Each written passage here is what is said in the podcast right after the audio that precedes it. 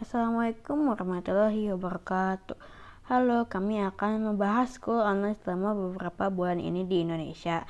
Kita bersama dengan saya sendiri, Gerald. Kemudian teman saya adalah Atar dan Listia.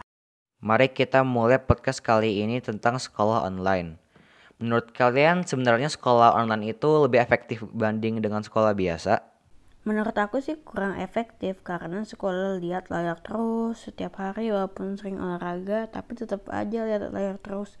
Kebanyakan sakit mata, lalu ngantuk. Lagian juga kalau yang tidak punya HP gimana kan? Susah jadinya gitu aja sih dari aku. Nah, itu dari Gerald, terima kasih. Sekarang Listia gimana?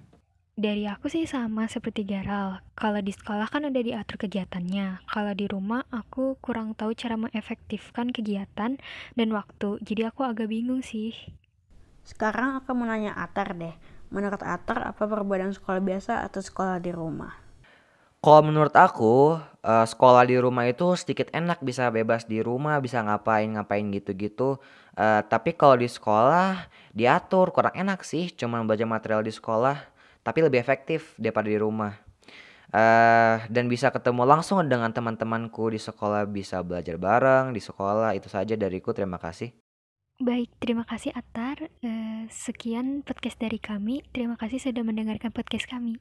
Wassalamualaikum warahmatullahi wabarakatuh.